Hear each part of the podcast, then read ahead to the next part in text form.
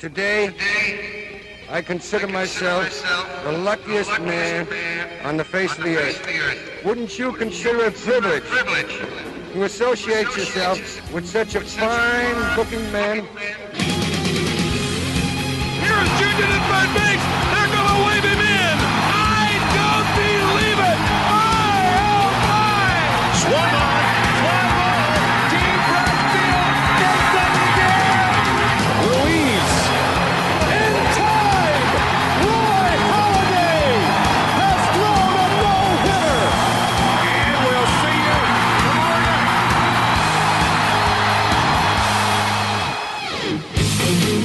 Hallo en welkom bij een gloednieuwe aflevering van de Just a Bit Outside podcast. De enige echte MLB podcast van Sport Amerika. En het is tijd voor aflevering 64, de World Series Preview podcast. Want eh, ja, de Division Series zit erop, de Championship Series zit erop. En twee teams zijn nog over in de Boston Red Sox en de Los Angeles Dodgers. En op deze dinsdagochtend, de dag waarop de World Series gaan losbarsten, ga ik dat samen met Jasper Roos, welkom, eh, ja, bespreken. Hey Justin, ja, we gaan eens eventjes eh, kijken hoe of wat. Ja, wat, er, eh, wat er allemaal ons eh, staat te wachten. En ik denk dat allereerst al misschien handig is om eh, nou ja, dat vooruitkijken allicht al een beetje te doen door, hoewel het misschien een beetje paradoxaal klinkt, terug te kijken naar de Championship Series en wat daarin allemaal gebeurd is. Lijkt me misschien goed om te beginnen bij de series die als eerste afgelopen was. Want het waren natuurlijk de Red Sox, die begonnen weliswaar een dag later dan de Dodgers. maar waren wel eerder klaar dan de Dodgers, want die hadden toch, ja, het eenvoudige is misschien het verkeerde woord om te gebruiken. Maar ja, ze waren wel redelijk snel klaar met de, met de Astros, hè? Toch wel verrassend. Ja, dat, dat was, was verrassend en, en toch denk ik ook een klein beetje anticlimax wat betreft deze serie. Ja. Hadden we toch veel meer van gehoopt, denk ik. Zeker van de Astros, die eh, ja, toch heel snel eh, als een soort nachtkaars uitgingen in die serie. Eh, blijkt achteraf natuurlijk wel dat eh, de grote man, José Altuve, een vrij stevige knieblessure heeft eh, opgelopen. Eh, al eerder in de, in de postseason en daar inmiddels al aan geopereerd is. En tot de spring trading waarschijnlijk eh, uitgeschakeld is. Eh, dus dat zal er wel iets mee te maken hebben. Maar als, eh, ja, als, als geheel, de hele serie viel eigenlijk denk ik heel erg tegen. Ja. ja, terwijl het begon inderdaad, eh, nou ja, voor de Astros dan nog veelbelovend. Hè? Meteen met Justin Verlander op de heuvel. Die eerste wedstrijd, die pakte ze ook meteen. Eh 7-2 ook redelijk overtuigend, eigenlijk. Ja, goede, die goede boelpuntdag ook Ja. toen. Want Verlander had het op zich niet zo heel makkelijk. Die gooide vier keer vier wijd in ja, zes precies, die, innings. die was ook redelijk snel eruit voor zijn doen dan. Ja. Ze zeggen Ja. zes innings is voor veel pitches goed in de playoffs, maar voor Verlander's maatstaven, ja. Ja, nee, en, Sale natuurlijk, die daar tegenover stond. Sale Verlander was natuurlijk het pitchers Mhm. duel van, van die serie. Eh, ook niet heel sterk. Nee. Die, die gooide maar vier innings. Maar ja, dan zie je toch het verschil tussen de, de bullpens. Dat, dat Presley, McCullers en McHugh bij eh, de Astros de boel potdicht houden. Terwijl eh, bij de Red Sox er, ik geloof, vijf of zes werpers op stonden. En één van die zes, Brandon Workman, Ja. echt helemaal kapot Die, eh, gebeukt wordt. Die had had- helemaal niks. Die had na afloop een ERA van 108.0 zie ik hier. Ja, ja, dat is een beetje de Jeremy. Jeffers van de Boston Red Sox, eh, denk ja, ik. Maar ja. goed, dat is een ander punt. Eh, dus dat, dat was, ja, de- dat verschil werd gemaakt in de bullpen. En dan hebben we al vaker gezegd, ook in de, in de previews naar die serie toe. De, de Boston pitching was minder dan de, Red, dan de Astros pitching. Dus nou, dat zie je heel duidelijk natuurlijk in die wedstrijd terugkomen. En dan denk je toch, nou, we hebben het toch wel aardig ingeschat weer. Maar dan keert die serie toch weer heel erg om. eh, naarmate de, de week vordert, zeg maar. Dat is dan toch wel weer... Ja, of dat iets te maken heeft met managers... of iets te maken heeft met, met voorbereiding, ik weet het niet. Maar het was eh, niet het begin waarvan ik denk dat we... Dat, we hadden niet het vervolg dat kwam, laat ik zo zeggen... hadden we niet verwacht op basis van dit begin. Nee. nee, precies. Want een dag later dan, eh, nou ja, dan trekken de Red Sox het allereerst eh, weer, weer gelijk in, in Boston. Winnen ze met 7-5. En dan, ironisch genoeg, staat de bullpen wel als een, als een huis. En is het eigenlijk nog, ja, zeg op papier, de man die het meest betrouwbaar moet zijn. Craig Kimbrell, die geeft dan aan het einde nog, eh, nog, nog één run op. Waardoor de Astros een stukje dichterbij kwamen. Eh, maar dan is het ineens wel, na Price die voor vijf innings eruit was... en toch weer een beetje, ja... eh, ik zou niet willen zeggen een hele slechte start had... maar het was nog wel weer een beetje à la Price, niet perfect in de postseason. Dat toch jongens als Barnes, Brazier, zelfs Porcello... die als setup man er dan opkomt... ja, die houden de deur dan wel dicht en dan trekken ze het gelijk. Ja, en Garrett Cole als, eh, als starter eh, op zich heel goed. Maar hij liep tegen een paar kleine probleempjes aan tijdens die wedstrijd. Vooral in het, het eh, begin. Hè, de, de eerste inning gelijk al was de raak voor de, voor de Boston Red Sox. En dan moet je toch een beetje... Dan, dan probeer je jezelf terug te klauwen uit een achterstand. Dat doen de, de Astros dan wel. Die staan 2-0 achter, komen 4-2 voor... maar geven dan meteen een half inning daarna die voorsprong weer weg. En dat is natuurlijk ja, niet wat je, wat je wil doen. En dat is eigenlijk een beetje het verhaal van de serie. De, de Astros, als ze al mee konden met de Red Sox... en dat was niet heel veel... konden ze vaak niet, niet het tempo bijhouden gedurende de hele negen innings. En, en dat is denk ik het grootste probleem gebleken voor die club. Ja. Want inderdaad, want uh, we hadden het dan het voorafgaand er al, uh, er al kort over. Daarna dan staat het gelijk en dan kom je ook een beetje op het punt dat de Astros offense vooral het niet echt uh, meer bij, bij lijkt te kunnen houden. Of in het tempo waarin de Red Sox wel slaan. Dat is dan wedstrijd 3. En uh, nee, ik kan denk stellen in die wedstrijd dat dan Nate Iovaldi en, Jackie Bradley Jr dat dat de uitblinkers zijn. Dat is dan ook zo'n dingetje. Dat zou je van tevoren denk ik niet verzinnen. dat in de derde wedstrijd die toch dan redelijk cruciaal is. Uh, in de zin van, ja, waar gaat die series een beetje heen? Uh, wie, wie kantelt hem echt in zijn voordeel? Dat dan Nate Iovaldi en Jackie Bradley Jr. echt gewoon de, de absolute uitblinkers zijn. Ja, nou ja, ik had al Iovaldi een beetje ge, gepusht als potentiële Game 2 starter in plaats van Price. Mm -hmm. Omdat ik toch wel vind dat die jongen heel, heel goed heeft staan gooien. Ook in de, in de postseason, ja. maar aan het eind van het seizoen ook. Dus op zich verwacht ik van hem wel iets dergelijks. Uh, hij was heel degelijk. Twee runs tegen in zes innings, vier strikeouts, twee walks. Dat is prima, dat is echt uitstekend. Uh, Keikel overigens aan de andere kant uh, minstens net zo goed. Vijf innings, twee earned runs, twee walks, geen strikeouts. Want ja, Keikel gooit geen strikeouts meer. wat gaat er, ja, dat moeten we ook even een keer over hebben. Hè, wat er met Keikel gaat gebeuren in de postseason. Die is, die is free agent. Maar ja, dan kijk je naar die, die weer. En dan zie je toch dat in dit geval bij de, bij de Astros Roberto Osuna echt het ongelooflijk op zijn lazer krijgt. Ja. En op zich vinden we dat natuurlijk niet zo heel erg, want we hebben heel duidelijk gepraat over uh, wat, we vinden van, van Osuna. Maar dat zit natuurlijk vooral op die Jackie Bradley Grand Slam ja. Uh, vast in de achtste inning, waarmee de Red Sox van een 3-2 voorsprong naar een 8-2 voorsprong uitlopen. Ja, en dan zie je gelijk als een ballon die hele Astros line-up leeglopen. Dat is meteen helemaal afgelopen. En uh, ja, ik vind dat toch wel, wel jammer, als ik eerlijk ben. Maar ja, goed. Het, het is niet anders. Twee runs scoren, dat is niet genoeg in de, in de, in de CS, in een wedstrijd meestal. Nee, nee en dan kan je achteraf, en dat is altijd zo'n cliché, achteraf is makkelijk praten. Maar misschien ook een beetje stellen dat vooral die Jackie Bradley Jr. Grand Slam... dat dan toch misschien ook een beetje het keerpunt was. In de zin van dat dat echt een klap is geweest die de Astros letterlijk... niet meer te boven zijn gekomen in die, in, die wedstrijden erop. Want een dag later zitten we bij Game 4, of twee dagen later beter gezegd... Uh, of nee, wel een dag later trouwens, maar goed, maakt niet heel erg uit. Dan is het weer Jackie Bradley Jr., die, die een belangrijke rol heeft.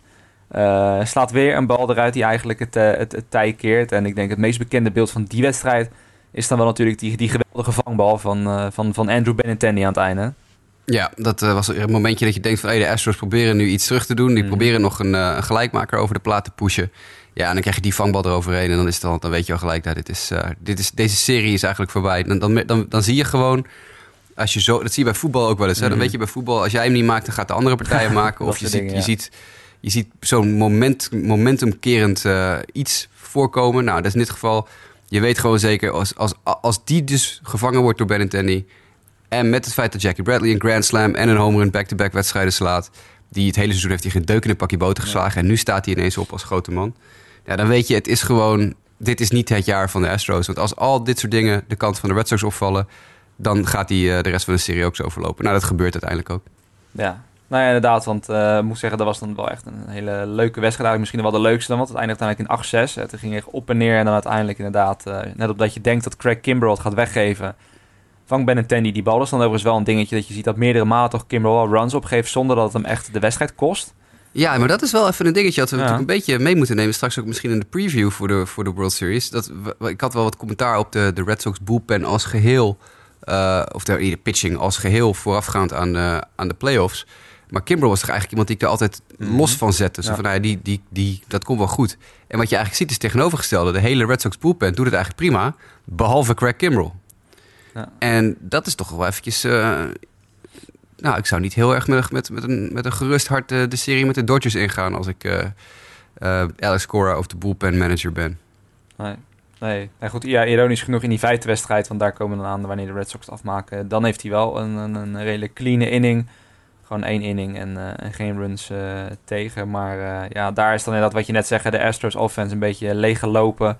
Als je dan ook kijkt, uiteindelijk de Red Sox winnen die wedstrijd met 4-1. En het is ook gewoon, ik denk dan ook wel tekenen dat bijvoorbeeld iemand als Alex Bregman natuurlijk dit seizoen echt onwijs belangrijk is geweest voor de Astros. Die eindigde uiteindelijk na die wedstrijd met een postseason average van 1,33.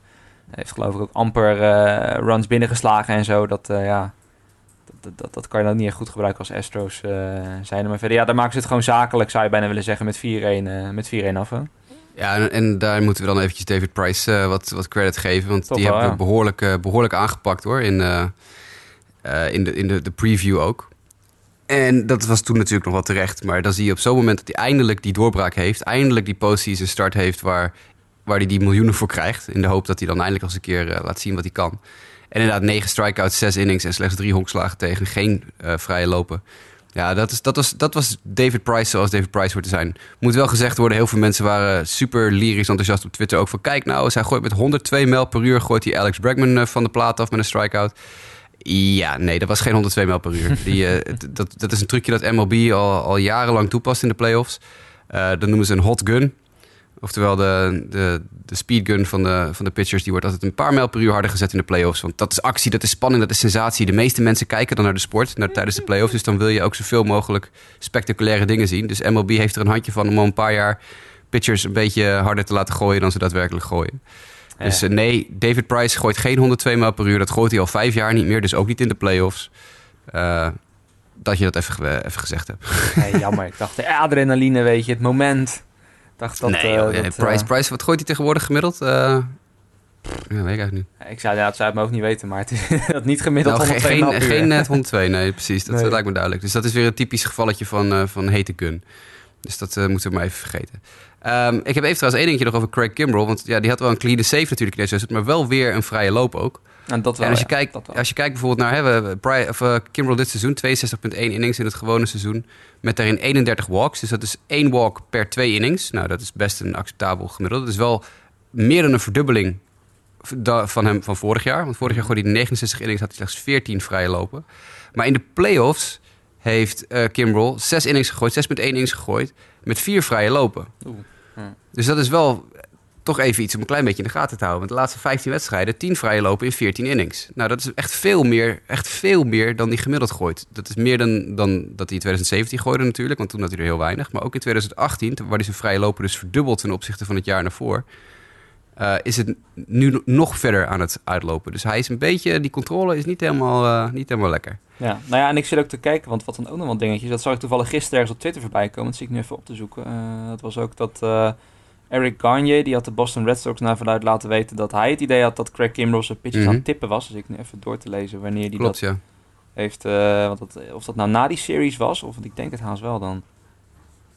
Volgens mij voorafgaand aan die laatste game. Ja, voorafgaand aan de laatste game dan inderdaad. Nou ja, dat, goed, dat, dat zou dan wel eventueel een dingetje kunnen zijn. Dat hij daardoor in die andere wedstrijd net iets harder werd geraakt dan, dan in die laatste. Maar eh, Dat is, Ja, toch, eh, is toch interessant, hè? Want dat is nu Kimbrel die pitches tipt. Vorig jaar hadden we Darvish die Ja, pitches aan het tippen zijn geweest. En volgens mij is er eerder in deze postseason ook al een werper geweest. Ik weet even niet meer wie het is.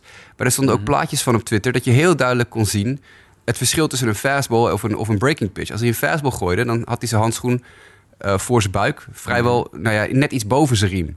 Gooide hij een curveball of een slider, dan had hij zijn handschoen onder zijn riem. Ja. Dus je kon heel duidelijk zien, er was echt een groot verschil ook. Er zat zeker, nou, zeker 15, 20 centimeter tussen. Dus ik weet toch niet wat ik daarvan moet denken. Dat we nu vorig jaar Darvish hebben en nu weer twee, twee jongens in de postseason die hun pitches tippen.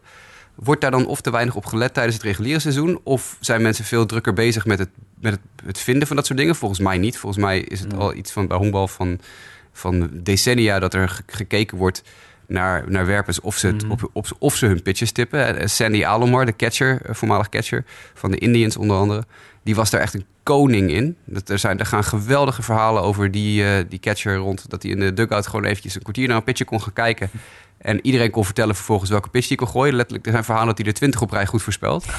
Nou, dat is natuurlijk absurd. ja. Dus ik weet niet of het nou meer is dan vroeger, maar ik denk dat het wel meer gepubliceerd wordt dan vroeger. Ja. Eh, ik, denk dat het toch in het verleden vaker dat daar eh, ja, toch in het kader van psychologische oorlogsvoering eh, je, je mond overgehouden werd. Terwijl er nu natuurlijk, ja, gaat het allemaal meteen via social media ook de openbaarheid in. Maar ik vind het wel, het, ik vind het wel een, een dingetje hoor. Dat je zoveel, zoveel miljoenen op het spel staan in de kampioenschap. En dat je dan nog steeds pitchers hebt die op een of andere manier hun pitches tippen. Ja. Ik vind het wel, eh, ja, ik vind het wel wat. Het is wel een interessante discussie inderdaad. Of het inderdaad enerzijds de aandacht eh, inderdaad is die, die ervoor zorgt. Of dat het toch gewoon eh, ja, heel klassiek het moment is dat sommige werpers dan toch een beetje de, ja, een soort blackout krijgen of zo. En dan onbewust dingen anders doen dan dat ze normaal hebben, hebben gedaan of zo. Het is inderdaad een, apart, uh, apart verhaal in ieder geval. Maar goed, als het goed is, als het echt zo zou zijn, dan zeggen ze nu dus dat Kimbrel er ja. vanaf nu wel op gaat letten. Dus dat is maar goed voor de Red Sox, hoop ik dan maar. En gaan we zien of dat het resultaat gaat brengen wat ze willen in de World Series. Waarin ze het dus op gaan nemen. En dan komen we dan de series, de NLCS tegen de Los Angeles Dodgers. Een series die wat dat betreft wel echt ja, datgene gaf wat we denken wilden qua wedstrijden. Uiteindelijk toch een, een Game 7 aan het einde van de rit. Hè, want in de, in de Division Series waren het ook toch allemaal redelijk korte series. Hier kregen we wel echt de, de, ja, de volle zeven wedstrijden die je kan krijgen dan. Um, het resultaat, uh, we zijn natuurlijk objectief. ik zou eerlijk bekennen, denk dat het voor veel luisteraars geen geheim zal zijn dat wij misschien wel net op een iets ander resultaat hoopten. Uh, ik bedoel niks tegen de Dodgers, maar de Brewers waren toch een beetje onze, onze darling. Uh, de, de, ja, een beetje het geadopteerde team, Cinderella team van de ja. podcast. Minus Lionel moeten we natuurlijk dan zeggen. Ik bedoel, die... Uh, ja, als NL Central Watcher gaat hij natuurlijk niet... die, die, die zit iets minder op de Brewers bandwagon. Maar goed, het was voor niet echt een geheim dat wij er wel op hoopten. En ik denk heel veel honkbalfans wiens team uitgeschakeld was... die hoopten er toch stiekem een beetje op... dat zij als underdog team toch all the way zouden gaan. Maar het mocht helaas net niet zo zijn. Uh, neem niet weg dat we genoeg mooie momenten van ze hebben gezien uh, tijdens die series. En dan beginnen we in de eerste wedstrijd. Uh, waar ik me vooral, en ik denk heel veel mensen eigenlijk wel zich toch vooral hebben verbaasd over Brandon Woodruff. In meerdere opzichten. Ja, ja fantastisch. Ja. Dat is een jongen die als starter in de minors nooit echt heel hard gooide. want hij moest natuurlijk 6, 7 innings gooien. Dat was nog de starter oude stijl altijd laag in, een, in de 90 mijl per uur. Toen hebben ze op een gegeven moment gezegd... luister, je wordt of een reliever of gewoon een spotstarter... met een paar inningjes. En ga maar gewoon lekker smijten. En ineens gooit die gast 98 mijl per uur. Uh, en dat vind ik toch wel uh, ja, prettig om naar te kijken over het algemeen. Um, dat is overigens geen resultaat van een hete gun in die wedstrijd. Want dat gooit, zeggen, hij, dat, gooit hij daadwerkelijk. nee, nee, dat gooit hij daadwerkelijk. Dat heeft hij in de minors ook al laten zien. Ah, okay. Dus, uh, dus bij, ik denk dat ze bij die wedstrijd de gun niet, uh, niet super heet hadden staan. Maar uh, ja, ook goede breaking stuff. En, en gewoon ja, echt heel sterk gegooid. In, in relief van Gio Gonzalez, die natuurlijk start in twee innings gooit... en dan geblesseerd raakt en meteen uitgeschakeld is voor de rest van de postseason. Maar Woodruff was echt fantastisch. Twee innings, vier strikeouts, nul keer vier wijd, geen honkslagen tegen... Uh, genieten. Net als natuurlijk Josh Hader, die ook fantastisch gooide. dus ja, nee, dat was echt was, was genieten. Ik, ik had op dat moment de Brewers winnen met 6-5. Zoiets van, nou, dit, dit zie ik nog wel zeven wedstrijden gaan. Had ik ook voorspeld. Hè? Ik had vorige week in de podcast gezegd, het gaat zeven wedstrijden. En, en tot aan de laatste wedstrijd had ik nog daadwerkelijk alle voorspellingen goed. Ik had gezegd, ze, splitten hem in Milwaukee 1 en 1. Dan pakken de Dodgers er 2 in LA en de Milwaukee Brewers 1. En dan winnen de Brewers vervolgens twee thuiswedstrijden. Nou ja, het ging pas in die laatste wedstrijd fout. Maar anders had ik die hele reeks wat dat betreft goed voorspeld gehad. Dus dat was extra jammer. Want dat geluk dat zie je ook niet zo heel erg, heel erg veel. Maar ja, nee, dit, is, dit was een goed begin van deze serie. 6-5 Brewers. En ik denk dat op dat moment ook de toon gezet is voor de rest van de serie. Kane, die, die goed vanuit de, uit de startblokken komt, 3 uit 5 begint. bij de Dodgers was Chris Taylor de aanstichter van heel veel ellende. En Manny Machado. Dus ja, dit was wel denk ik een voorbode van een, van een fantastische serie. Ja, en, en wat eigenlijk dan nog uh, niet hebben benoemd, is eigenlijk die home run die Woodruff dan nog, uh, dan, dan nog slaat natuurlijk. Dat Ook dat nog, ja. Als je, ja. als je zag hoe, hoe, gek dat stadion werd, ging er helemaal uit de plaat. En natuurlijk logisch ook natuurlijk, als je thuis speelt en er gebeurt zoiets. Maar dat uh, Clayton Kershaw of all people een, een home run opgeeft aan Brandon Woodruff, dan nee, ik denk dat als je daarop had kunnen wedden bij Toto, dan had de quotering aardig aardig hoger staan, denk ik. Maar, uh, Kershaw ook niet goed, hè? Vind ik. Nee. In die wedstrijd. Drie innings, zes hits beetje, tegen, vier earned runs tegen. Uh, dat is uh, ja, twee keer vier bij, twee keer drie slag. toch, toch weer niet, niet heel goed. Nee. En dat is toch, hebben we het ook al vaker gezien in de postseason de laatste paar jaar. Dat hij toch net even op de juiste momenten niet kan brengen wat hij moet brengen. Hij kwam later in de playoffs nog een keer aan bod. Toen was het wel iets beter.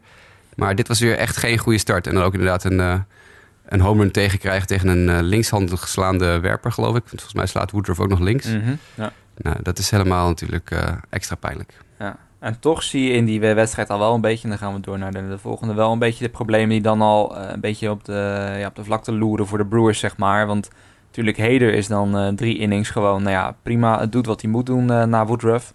En dan daarna wordt het toch een beetje Cedeno die een run opgeeft. Soria die de twee opgeeft. Jeffress die met, met alle pijn en moeite uiteindelijk die inning uit weet te komen. Knebel die het dan nog net iets spannend maakt. Uh, nou ja, uiteindelijk aan het einde van die series gaan we zien dat dat, uh, nou ja, vooral betrekking tot Jeffress die dan heel niks opgeeft. Dat dat wel een beetje uiteindelijk toch de Achilles op lijkt te zijn. Hoewel dat van tevoren misschien niet, uh, niet had verwacht bij de Brewers. Voornamelijk natuurlijk vanwege de aanwezigheid van meneer, meneer Heden in die bullpen. Maar goed, ik noem het net Jeffress dag, uh, dag twee, wedstrijd twee beter gezegd. Ja, dan is hij inderdaad degene die het uiteindelijk uh, weggeeft, hè? Ja, je, je geeft het al een beetje aan. De, de Brewers gebruiken zes werpers, eh, zes relievers in die eerste wedstrijd. En dat is natuurlijk een bullpen die al sowieso heel erg overused is. Wat we ook wel in de Division Series hebben gezien aan het eind van het seizoen. En dan zie je toch dat er op dat moment eh, iets in die bullpen sluit van... oké, we zijn nog wel heel goed, maar de, de vermoeidheid begint een klein beetje de kop op te steken. Dus wat doet Craig Counsell, de manager, in de tweede wedstrijd? Die zet Wade Miley op de heuvel. En Miley gelukkig voor de Brewers, kon echt nog ver doorgaan. Want die gooide 5,2 innings met drie, eh, drie strikeouts en twee hits tegen. Geen punten. Dus die begint uitstekend. Maar daarna gaat het meteen fout met Corbin Burns en Jeremy Jeffers... die allebei twee punten each opgeven. Uh, en dan vooral Jeremy Jeffers is natuurlijk het grootste probleem. Want dat, dat zie je inderdaad de wedstrijd ervoor, wat je ook aangaf, een beetje aankomen. Niet, niet overtuigend, niet sterk. Uh, makkelijk contact door de, door de hitters van LA. Dan moet hij back-to-back wedstrijden gooien. Nou, dat gaat dan dus prompt hartstikke fout. Uh, en dan komen Knebel, Cedeno en Junior Guerra er nog overheen. En die gooien dan verder wel prima. Maar ook in die wedstrijd dus weer vijf relievers gebruikt. Dus over twee wedstrijden heb je elf keer gebruik gemaakt van een reliever. Nou, dat is best veel. De Dodgers doen dat ook wel. Want die, in die tweede wedstrijd waar, waar we het nu over hebben... waar Hyunjin Ryu start en dat redelijk doet, maar niet uh, overweldigend... komen er nog twee, vier, zes, zeven werpers achteraan bij de Dodgers. Maar de Dodgers hebben het voordeel in dit geval... dat ze op de heuvel zetten. Een jongen als Alex Wood tijdens de wedstrijd. Kenta Maeda. Uh, en uh, dat zijn toch starters. Ja. Die, kunnen, die kunnen wat meer hebben. Dus eigenlijk gebruiken ze ook daar maar vijf relievers.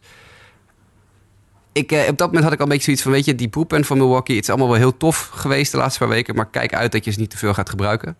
En uh, dat tweet ik onder andere ook uit. Ik heb een paar dingen eruit getweet tijdens die serie over Jeremy Jeffers en over de bullpen van de Brewers. En naarmate de serie voordat werd je toch steeds minder.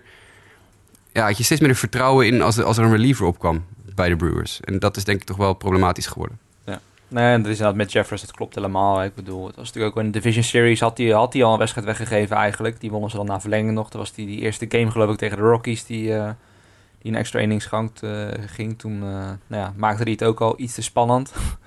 Wat dat betreft. En ja, vooral in de playoffs is het toch... Kijk, tuurlijk, ik geloof dat Jeffers tijdens het regular season... Ik geloof een ERA net onder de 2.0 had of zo. Had hij fenomenaal gegooid.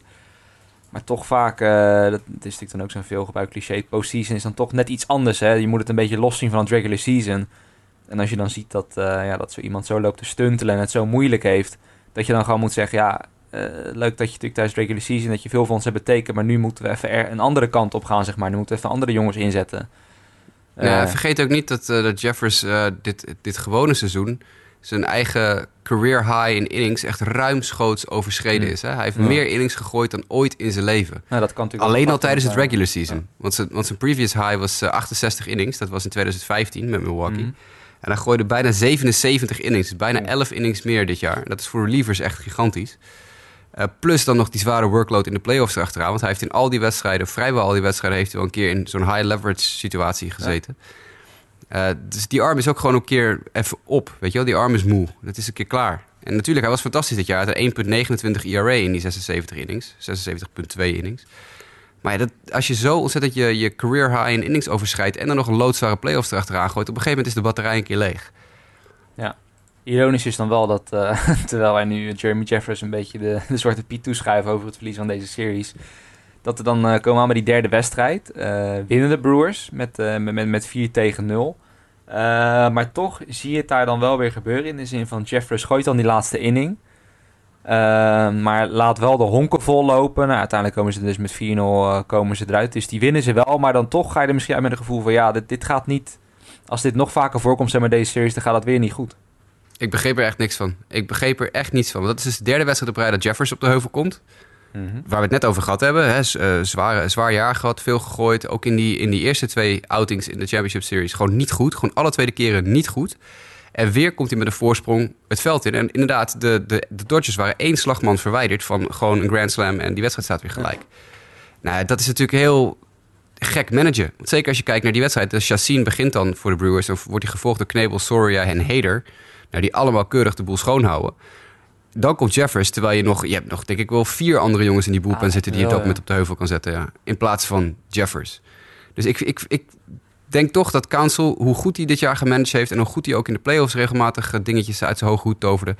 echt iets te lang heeft vastgehouden aan, uh, aan zijn go-to reliever Jeremy Jeffers. En gewoon niet juist de situatie heeft ingeschat over hoeveel ja, miles er al op die arm zaten bij, eh, Jeffers. Want hij had gewoon eigenlijk deze wedstrijd sowieso niet mo- mogen gooien. Eh, want dat is de derde wedstrijd op rij en het was echt niet nodig. 4-0 voor, dan hoef je echt je, die Jeffers er niet op te zetten. Ik vind het, eh, daar gaat Council, dat is wat je Council kan aanrekenen deze serie. Veel te veel dezelfde werpers. En in dit geval dan vooral eh, Jeffers op de heuvel. Ja. Nou ja, ik zit aan te denken, ik, heb nou niet hier dat lijstje voor me wat ze qua andere werpers dan allemaal nog, nog in de stal hadden. Maar ja, er moeten sowieso wel denk ik vier of vijf jongens daarin hebben gezeten die, eh, nou ja, dan weet je natuurlijk niet of ze allemaal beschikbaar hadden geweest. Maar die hadden dat toch ook wel gekund, mag je vanuit gaan. Ja, je hebt natuurlijk alleen al, je hebt, op dat moment heb je Woodruff nog die je beschikbaar hebt. Je ja, inderdaad, nog die je beschikbaar hebt. Woodruff inderdaad. Freddy Peralta, Jacob Burns, Junior Guerra. Dat zijn allemaal jongens die je op dat moment prima in die wedstrijd kan zetten. Zonder dat je eh, Jeremy Jeffers... En misschien was het een poging om Jeffers zijn zelfvertrouwen wat op te krikken of zo. Nou, dat is dus ook niet gelukt. Maar er is echt, zouden zeker nog vijf jongens in de, in de boelpen zitten... die je met een 4-0 voorsprong prima in de wedstrijd kan zetten. Nou ja, of eh, vooral dan hebben, doe dan iemand als Guerra of zo, weet je, die, die toch die Ja. ervaring heeft, maar ook niet die echt iemand lijkt die, eh, die snel zijn, eh zijn cool verliest, zeg maar. Dus eh, ja, het, is inderdaad dan wel een curieuze beslissing. Maar goed, ze winnen die uiteindelijk wel, dus ze zitten dan wel in de, in de goede flow. Pakken de voorsprong, eh, maar een dag later, en zo gaat het eigenlijk een beetje deze hele series. Het gaat op en neer, op en neer, want in game 4 dan eh, slaan de Dodgers weer in een, eh, ja, toch wel pitching game kunnen we dat noemen, slaan ze terug. Ja, ik zei net, Gio Gonzalez raakte geblesseerd in die ene start... waar die twee innings gingen, maar dat was natuurlijk niet die. Het was deze, waar die één inning ging en toen geblesseerd raakte. ja. Eh, en dan komt Freddy Peralta als reliever erin. Nou, die laat meteen zien waarom wij het hele jaar ook een beetje Mhm. over Freddy Peralta gepraat hebben. Namelijk eh, heel veel strikeouts, twee per inning. Ja. Maar ook veel, veel vrij lopen, drie, drie stuks in totaal. Maar die houdt de boel dan wel dicht. En de rest van die boelpen is eigenlijk heel goed op dat moment. En, en toch is het niet genoeg. Want ja, die Dodgers op dat moment met Rich Hill als starter. En dan weer een lijst, jongen, waar je helemaal... Dat hebben we ook al een paar keer besproken uit de Division Series. Weer eh, acht relievers. Ja. Acht relievers in drie innings. Nou, ik kan me wel een klein beetje voorstellen dat mensen op Twitter daar een beetje gek van werden ook. Ik, ik las dan eh, meerdere eh, sportjournalisten uit Amerika ook die zeggen van doe even normaal. Dit zijn drie innings, min of meer. Nou, dat is niet waar wat ik zeg natuurlijk. het is een extra inning game. 1, 2, 3, 4, 5, 6, 7. Pak een beet. Ja, per inning of 7, 8. Gewoon, gewoon een reliever per inning gebruiken. Ja. Ja. dat is echt niet nodig. Want ze hebben een Alex Wood en ze hebben een Kenta Maeda. Die kunnen gerust meerdere innings gooien. Waarom zou je dan zo je bullpen verbranden? Je, je gaat een extra inningpot in. Hou dan je, je starters een beetje achter de hand. De, de, de reliever die de meeste innings ging is Kenley Jansen in die wedstrijd. die gooide er twee. Klopt, Terwijl. Alex Wood één inning gooit, Kenta Maeda 0.1 in. Kenta Maeda gooit één slagman. Kenta Maeda kan gerust nog vijf innings gooien. Ja, Ik snap het niet. aan de, aan de andere Urias, kant... ook een starter, ja. weet je wel. Aan de andere kant kan je zeggen, de Brewers doen het dan. Die, die geven dan de bal aan Kara en die zeggen eigenlijk van... eh ga, ga net zo lang door het, eh, ja, tot je door moet. En die verliest Ja, uiteindelijk wel natuurlijk. Dat is dan wel een dingetje. Ja, maar goed, aan de andere kant, dan moet je op een gegeven moment ook een keuze maken van... oké, geef ik nu één wedstrijd? Want ze bleven natuurlijk wel het in die wedstrijd. Het was 1-1, Mhm. heel lang 1-1. Ja, op een gegeven moment moet je dan de keuze maken... oké, ik gooi er nu een jongen op die starterservaring heeft... en die laat ik gooien tot hij er neervalt... om zo in ieder geval de rest van de serie... want die, die serie staat op dat moment... we zijn pas in, eh, in game 4. eh even kijken, zijn we- ja, game Ja, 4. Dus voor hetzelfde geld ga je gewoon nog drie wedstrijden verder... zoals ook gebeurt. En dan bespaar je in ieder geval een beetje je boelpenarmen. Maar ja, dat gebeurde dus duidelijk in dit geval bij, eh, bij de, de Dodgers niet. Die hebben de, de duvel in zijn oude moeder tegen aangegooid. Nee, die gooide inderdaad echt... eh, want iemand als Urias die je bijna een beetje was, eh, was vergeten. Die, ja, die pakte uiteindelijk de overwinning omdat hij dan de laatste inning eh Ja, een beetje gooit voordat, ze, voordat ze winnen. Eh, dankzij Cody Bellinger die dan dus voor de walk-off... eh, voor de walk-off home run zorgt. En dan staat het weer inderdaad eh, 2-2. en zoals ik al zei, het ging op en neer. Eh, walk of eh, double, geloof ik. Oh, walk-off double. Nou, ik wil het net iets mooier maken dan dat het was, maar goed. In ieder geval inderdaad een walk-off. Nou, hij, was wel, hij was wel de MVP van de, de NLCS eh, natuurlijk, eh, Cody Bellinger. Dus, Ja, hij was wel inderdaad op meerdere momenten was die, eh, was die belangrijk. Nou ja, dan staan de Dodgers dus weer op 2-2. Komen ze toch in game 5, mogen ze weer Kershaw er, er tegen aangooien. En ditmaal loopt het wel iets, iets beter af dan in de eerste wedstrijd, kunnen we wel stellen. Ja, maar het verhaal van die wedstrijd is natuurlijk de start van Wade Miley. Ja, of was het een 0,0 start? innings, één keer vier wijten van de heuvel gehaald. Ja, het, was, ja, het is officieel is het een start. Ja. Ja, fantastisch. Dus, het gaat er helemaal nergens over. Ik weet niet of het gepland was, maar als het gepland was, dan vind ik het eh, een leuk staaltje psychologische oorlogsvoering. Zo van de, de- de tegenstander bereidt zich de hele dag voor op een, een start van een lefty-werper. Nou ja, er wordt een ja. lefty line-up tegen een, een, lefty eh, eh, van een line-up tegenaan gegooid met veel righties erin die dus goed tegen een lefty kunnen presteren. En vervolgens gooit hij één slagman en wordt hij eraf gehaald voor een rechtshandige werper... die vervolgens 5,1 innings gaat. dat is, ja, op zich, het, is wel wat... Uh, eigenlijk als je het zo... Het klinkt wel heel logisch in ieder geval. En je zou zeggen van... Uh, ja, waarom proberen managers dat niet af en toe vaker? Ja, natuurlijk, je moet het niet elke keer doen... want dan gaan mensen natuurlijk na een tijdje herkennen of zo, maar... Ja, je moet natuurlijk maar net de mazzel hebben dat je een, een reliever erachter hebt zitten... die zoals Woodruff in dit geval 5 innings kan gooien. Maar ik, vond, ik moest er wel om lachen. Ik dacht van, nou, de Dodgers zijn helemaal ingesteld op een linkshandige werper op de heuvel. En na één slagman haal je hem eraf en zet je er een rechtshandige werper op. Dat, ik vind dat wel humor. Dat, ik kan er wel om lachen. Het was niet genoeg uh, natuurlijk in die, uh, in die pot. Want uh, ja, de Dodgers winnen die vrij eenvoudig met 5-2. ook weer dankzij Bellinger en ook Justin Turner. En natuurlijk grote man van later in de serie nog Yaziel Puig. Die, die een aantal hits noteerde. Maar alles bij elkaar was dit denk ik wel een, een heel vermakelijke wedstrijd als totaalplaatje. Ja, toch zie ik dan wel weer, want dit is dan geloof ik een van de weinige wedstrijden die ik niet heb terug zitten, terug zitten kijken.